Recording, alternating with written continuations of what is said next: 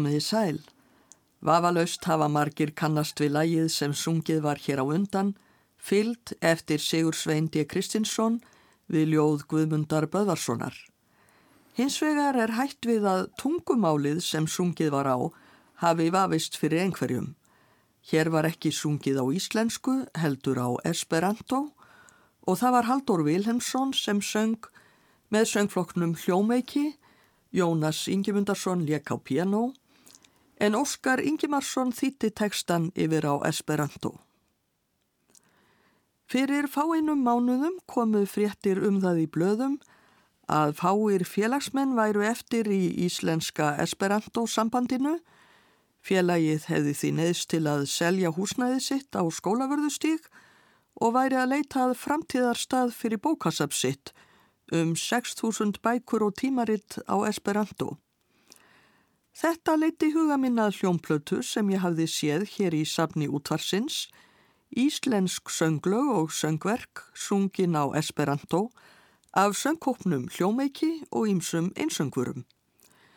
Hljómplatan kom út árið 1979 og í þessum þætti verður flutt tónlist af henni. Einnig mun ég spjalla svo litið við Benedikt Hjartarsson sem er í stjórn íslenska Esperanto sambandsins. Verður velkominn, Bendit. Takk að þið fyrir. Nú, Esperanto er alþjóðamál sem Lúðvík Lazarus Samenhoff fann upp á árunum 1873 til 1887. Er það ekki rétt hjá mér?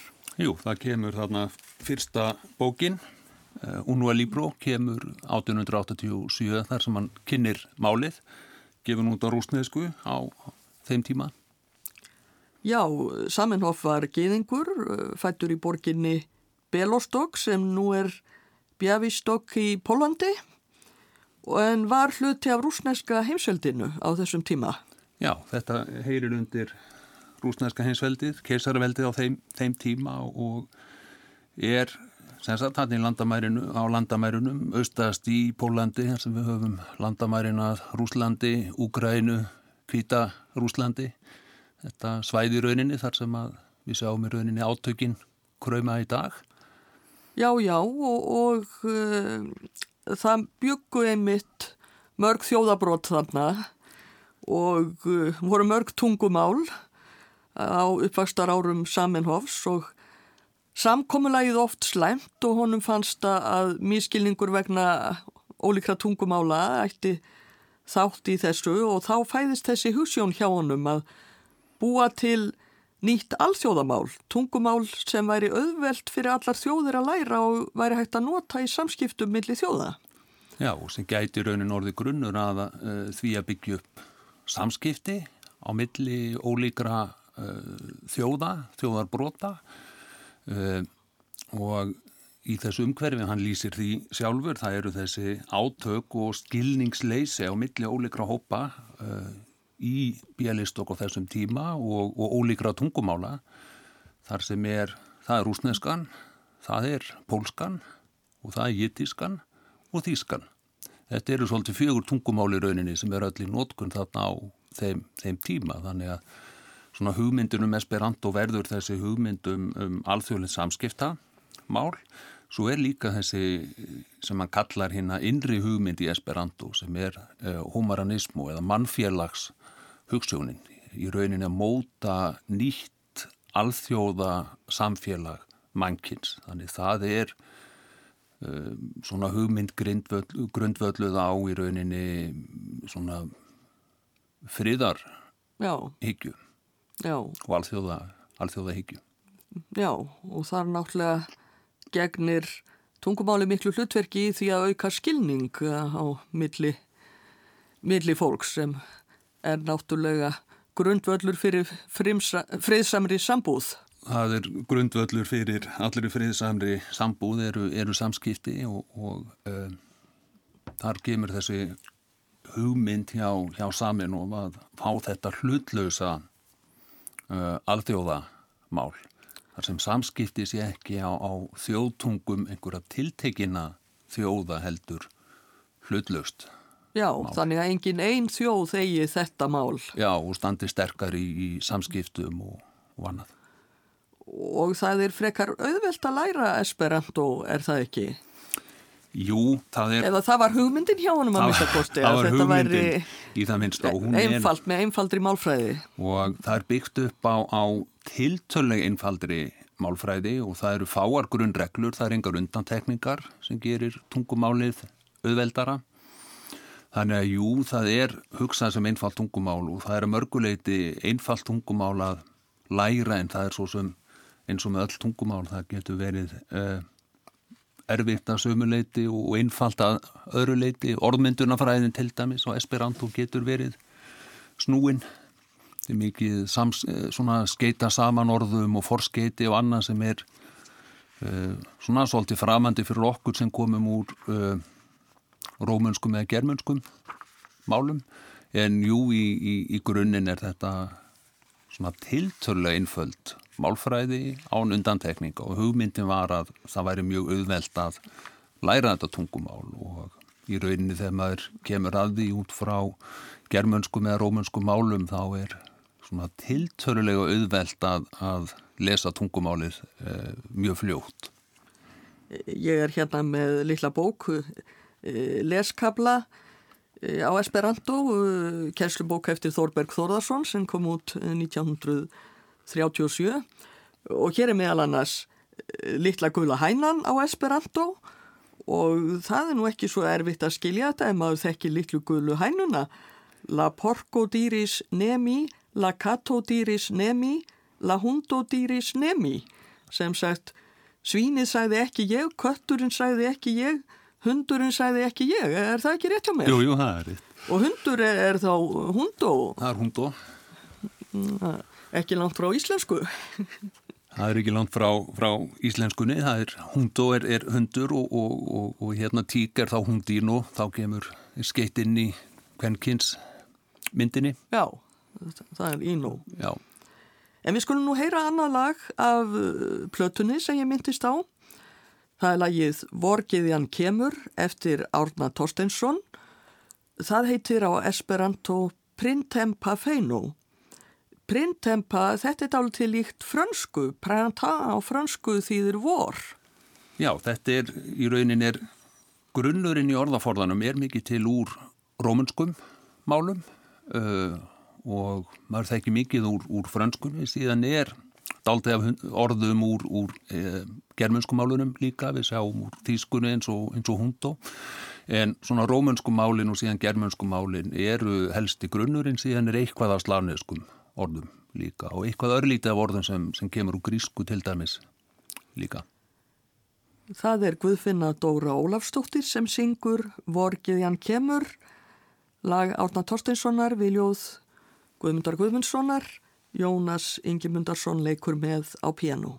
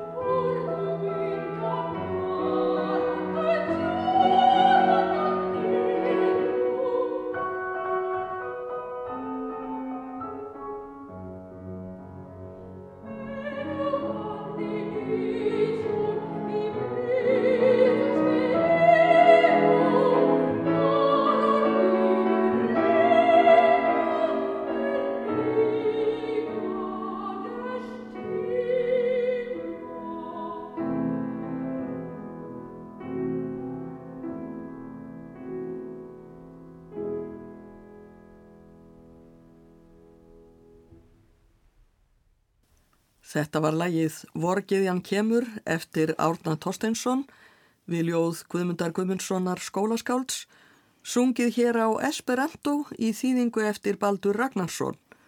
Guðfinna Dóra Ólafstóttir söng og pjánuleikari var Jónas Ingimundarsson. En það voru margir Íslandingar sem fengu áhuga á Esperanto á 20. stöld og þar á meðal rítumundurinn Þorbergur Þórðarsson eins og kom fram hér áðan.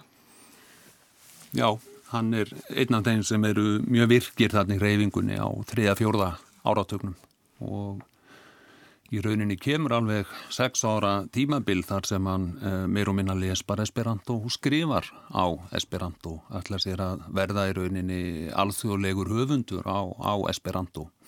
Og talsvert af textum sem að líki eftir hann Já. á Esperanto sem að hafa nú verið bó, bara óaðgengilegir á íslensku þangað til að þeir koma út á bók núna fyrir nokkrum árum í, í uh, þýðingum Kristjáns Erikssonar Já. bara hluta höfundaverki Þórbergs allt í hennu aðgengilegur á merkilegt. allt í hennu í fyrsta skipti Já, og þetta er svona tímabil þegar að uh, staða Esperanto er kannski hvað sterkust hérna nokkuð öflug reyfing og, og uh, stór og margir svona þungaveiktar menn í, í íslensku menningarlífi í, í reyfingunni á þeim, þeim tíma. Við skulum nú heyra enn eitt íslenskt sönglag á Esperanto. Það er Vöggukvæði eftir Emil Tórótsen, við ljóð eftir Jón Tórótsen. Á íslensku hefst kvæðið á orðunum Litfríð og Ljóshærð en á Esperanto hela búklar og okula magi eða þetta er kannski ekki rétt eh, borðið fram hjá mér? Já, já, jú, eða magjú Ma, Magi, magi Magi, já. já. Hela búklar og okula magi um, en uh, merkir það þó eitthvað svipað og litfríð og ljósærð? Uh, hela hela búklar og Já, já, hela er, er sem sagt uh, björt Já. Þetta er lýsingarorði yfir, yfir bjartur. Já, og ókúla. Ókúla er, er augu, þarna A-endingin er e, lýsingar orð, þannig þetta er augna, augna galdur í rauninni. Ef, ef ég leist það rétt. Einmitt, já, já. Rúter Magnússon syngur vöggu hvæði á Esperanto eh, heitir það Silvíó, er það kannski bara þýðing á nafnistúlkunar sem sungið er við, Sigrún? Mér grunar að það sé, já, bara þýðing á, á nafninu. Já. Ég veit ekki til þess að það hafi beinleginis aðra merkingu sem, sem orð. En það segir síðar í textanum Dormu, Dormatu, Kareka, Silvi, það er þá vendarlega Sofðu mín Sigrún og Sofðu nú rótt. Já. Rutel Magnússon syngur, pianoleikari er Jónas Ingemundarsson.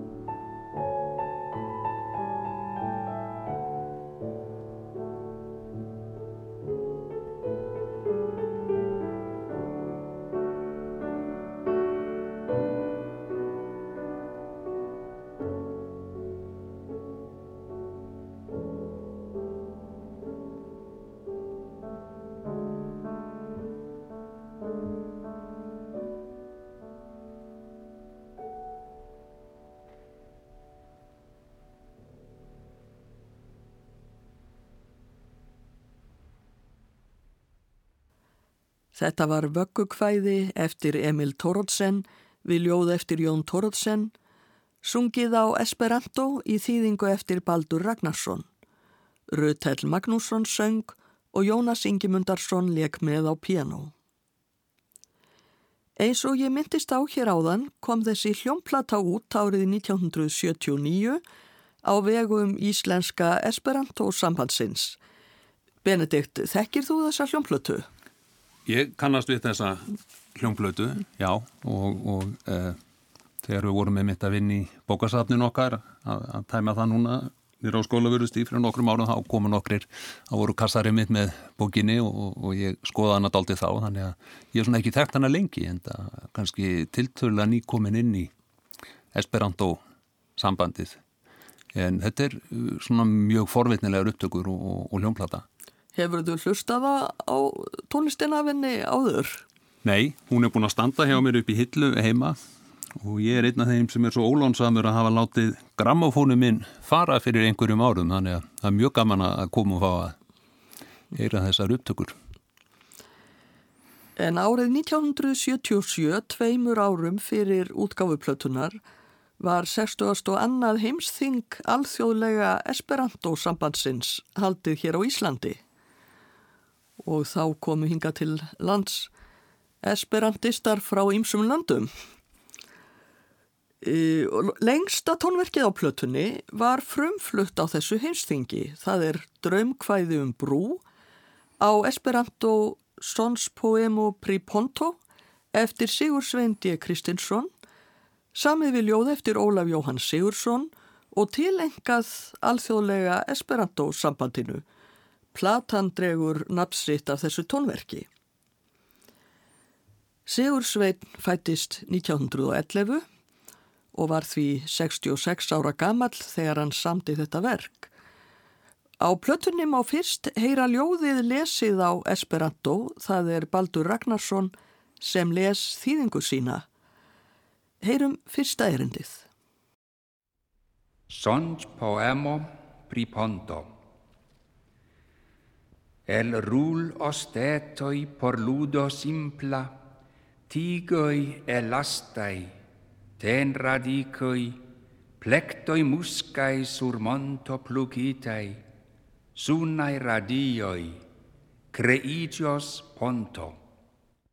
Þá skulum við heyra ljóð Ólafs Jóhann Sigurssonar, draumkvæði um brú, lesið á íslensku. Úr leggjum, völum og lokasjóði svifmjúkum pundi, segum rótum, fléttum lingjurta, lesnum á heiði, stöfum dalgeisla, skal dreyrá brúuð. Dreyrá skal brúuð við bjarta hljóma, hamars á steðja og kvin af ljáum, kleðan skilvindu, kall smala, jórtur búfjár á blíðum aftni. Úr þeli og togi, þráðum grönnum, drifkvítri ull, einneppu, margneppu, dúni áltar og óðinshana, dvergstur og reyr skal dreyrá brúuð. Dreyrá skal brúuð við bræðra söngva, óm af þölu ömmu og rímu afa og ljóði liðinar móður, hveðandi fátæks föður að störfum. Sýnist brúin ótrygg, ægir það dreng að treysta hennar strengjum þar sem ströymurinn er mestur. Þú skalt ekki hræðast, þér mun hún geng, þér mun hún geng, þegar stálvirkið brestur. Í Esperanto þýðingu ljósinn segir Creijos Ponto Hvað merkir það bóstaflega? Það er þá Greijós, þetta er framtíðamyndin, það er þá uh, reysum brú eða brú uh, mun, mun reist verða. Já.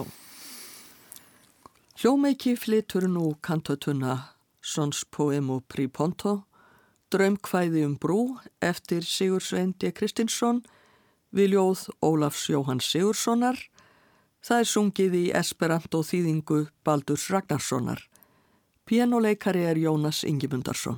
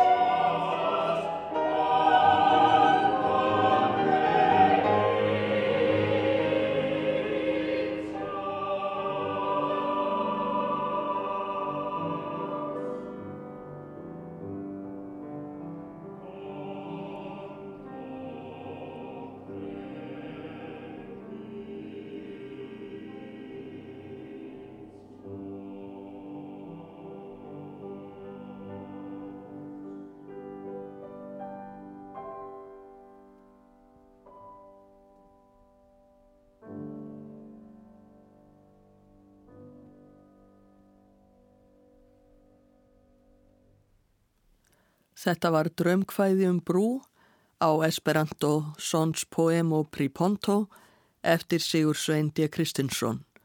Ljóðið orti Ólafur Jóhann Sigursson og Baldur Ragnarsson þýttið að yfir á Esperanto. Söngkópurinn Hljómeiki flutti kantötuna og Jónas Ingemundarsson leik á piano. Hjá mér er Benedikt Hjartarsson sem er í stjórn Íslenska Esperanto sambandsins Eins og framkom áðan var þetta tónverk frumflutt árið 1977 þegar 60. og annað heimsþing alþjóðlega Esperanto sambandsins var haldið hér á Íslandi og tónskáldið tilengaði alþjóðlega Esperanto sambandinu verkið. Hefur það komið fyrir oftar að heimsþing alþjóðlega Esperanto sambandsins væri haldið hér á landi? Já, það hefur komið fyrir oftar. Ég, ég man ekki hvort þetta var í annarsinni appell sem var haldið hér. Það geti að verið fyrsta sinni, nýta minnsta, þá var afturhaldi heimsting eh, alþjóða esperanto samtakana hérna heima fyrir um, hvað, um tíu árum var, var þetta gert aftur og, og talsverðu fjöldi af, af fólki allstara, nokkur hundru mann sem komi hérna. Við skulum heyra annað lag af plötunni Næst syngur Elín Sigurvinsdóttir lag Sigvalda Kaldalóns Ég líti anda liðna tíð en menn svo vívas la passi. Við pianoið er Jónas Ingemundarsson.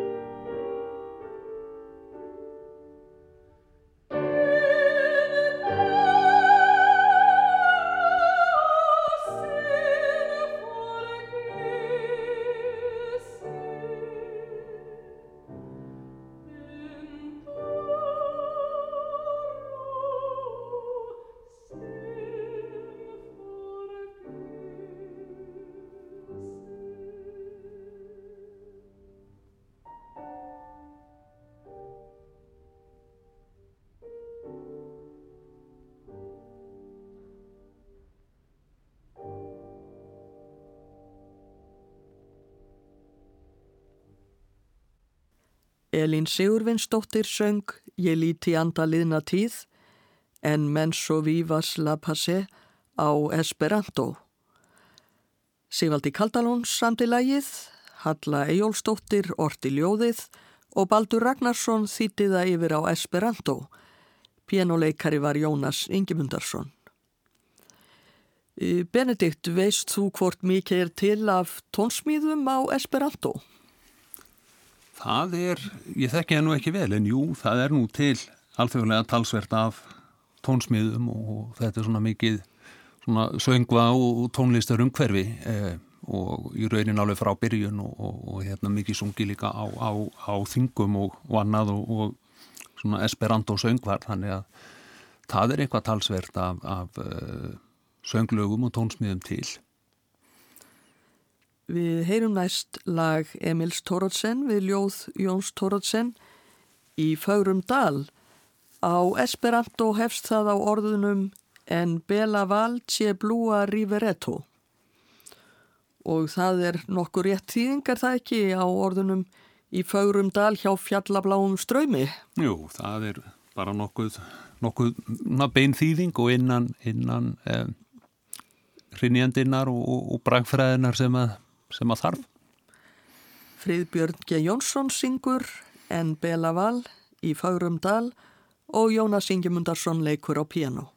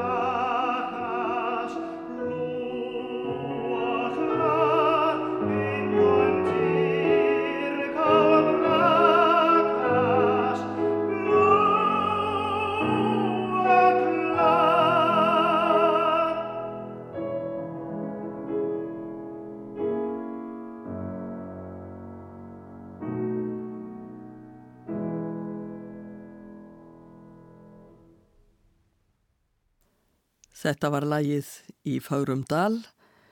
Friðbjörg Jónsson söng lag Emils Tórótsen og texta Jóns Tórótsen í Esperanto þýðingu Baldur Ragnarssonar en Bela Val. Jónas Ingemundarsson lék á piano. Benedikt, eh, hér í byrjun þáttarins var minnst á erfiðleika íslenska Esperanto sambandsins. Þið urðuð að selja húsnæði ykkar og hafið verið að leitað framtíðarstað fyrir bókasafnikkar um 6.000 bækur og tímaritt á Esperanto. Er framtíðarstaðurinn fundin? Já, þetta var uh, svona staðan þá að við það var tekið nákvörðun að selja húsnaðið og, og e, var svona óvíst um, um framtíðina. Staðan er, er þannig núna að það er Um, allt útlýtt fyrir að uh, sapnið sé á leiðinni á Þórbergsetur í, á Hala í Suður sveit þar sem er auðvitað mjög gott að, að fá inni og, og náttúrulega tengingarnar við Þórberg eins og við höfum rætt Jú, og, og annað Mikill esperantomaður Heldur betur og að, að þetta sapn sé áfram aðgengilegt því þetta er mjög mikilvægt sapn í íslenskri menningarsögu en, en eh, Safnið er sem stendur í geimslu í kössum og, og uh, svona fyrir austur einhver tíman með, með höstinu ef allt, ef allt gengur eftir. Í bókinni Eddu eftir Þorberg Þorðarsson má finna kabla sem heitir Tumma kukka.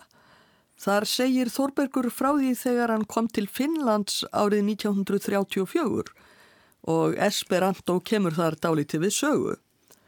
Þorbergur hefur verið að gangum kirkjugarð og sest þar á bekk. Hann sér þá mann sem honum stendur stuggur af og óttast að sé glæpamaður eða lappónjósnari en þar á hann við finska fasistarreifingu, lappórreifinguna svo kölluðu, sem hafði staði fyrir morðum á kommunistum nokkrum árum áður. Eftir lítinn tíma sé ég hvað einhver mann ógæfa kemur skálmandi úr söð-austur horni garðsins og stefnir ragleitt í áttina til mín. Hvaða mann fígúra er nú þetta? Það myndi þó ekki vera lappónjóstnari eða morðingi. Gatið ekki stilt mig um að láta mér detta í hug. Mér stóð óhugnarlegur beigur á honum. Hann færist nær og nær og heldur áfram að stefna beint á mig. Hvað vill hann mér? Hann er í gráum jakka, snjáðum, gráum buksum og pressuðum með fornfálegan hattkúfa á höfðinu, linan flippa veltan um hálsin og skótnir hans eru farnir að verða slitlegir. Hann sest þegjandi út við endan og bekknum hægra megin við mig. Ég satt á miðum bekk. Ég læst ekki sjá hann og horfi dreymandi út í sjóndeldarhingin framundan mér eins og ég sé hlutlaus í pólitík. En ég finn glögt með vanganum að hann er að smá gjóa augunum forvittnislega til mín. Hann skildi þó ekki vera að sikta út hvar ég geimi peningana mína. Bettlari, ræningi, morðingi, lapp og spjón. Þá fyrir hann að umla og kumra til mín einhver óskiljanleg hljóð sem líktust babli í hálfvita. Ég læst ekkert heyra, geri mig auðmingjarlegan í framann og stari ennþá meira dreymandi út í sjóndeildarhingin eins og ég eigi kvorki peninga, ég hafi nokkurt minnsta vit á pólitík. Loksins fæðist út úr þessum fábjánlega hljóðagraut þessi heimalega setning Tjú vi parolas esperanton. Talið er esperanto?